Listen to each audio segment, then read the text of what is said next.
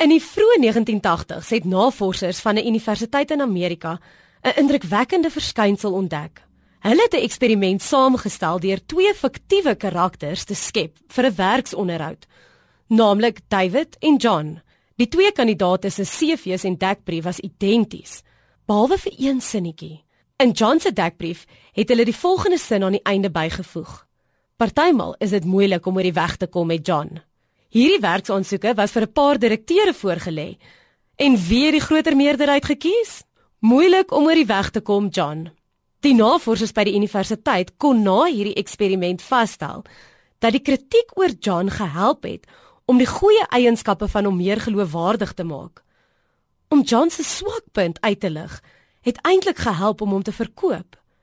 Integriteit behels nie net die eerlikheid om te erken wat jy al bereik het en waarin jy goed is nie. Integriteit is ook die erkenning van waar jy soms tekort skiet. Dit laat my aan die pragtige verhaal van Job dink wat eerlik voor God sy tekortkominge erken het.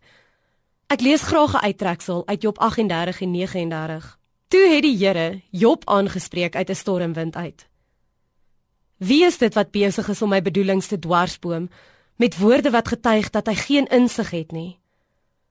Maak jou reg vir die stryd. Ek sal vra. Antwoord jy my.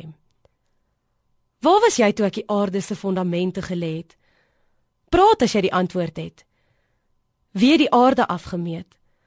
Waarop is sy voetstukke neergesit? Wie het hom aan mekaar gesit daardie oggend toe die sterre en al die hemele gejubel het? Het jy Job in jou tyd die môre beveel om te kom? Kan jy 'n beeld vorm van die groot wye wêreld. Praat as jy iets daarvan weet. Hoe loop die pad na die plek toe waar die lig sy oorsprong het en die ooste wind oor die aarde begin waai? Ken jy die tyd wanneer die klipspringers lam?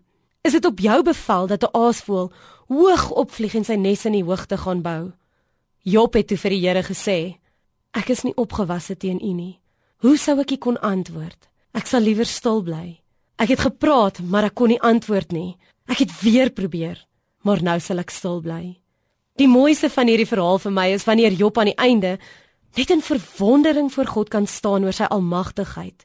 Wanneer ons met integriteit erken waar ons perke eindig, begin mens sien waar die oneindigheid van God lê. Mag jy ook vandag erken dat jy in jou menslikheid tekortskiet in sekere gevalle en mag dit jou by 'n plek bring waar dit God se almagtigheid vir jou beklemtoon.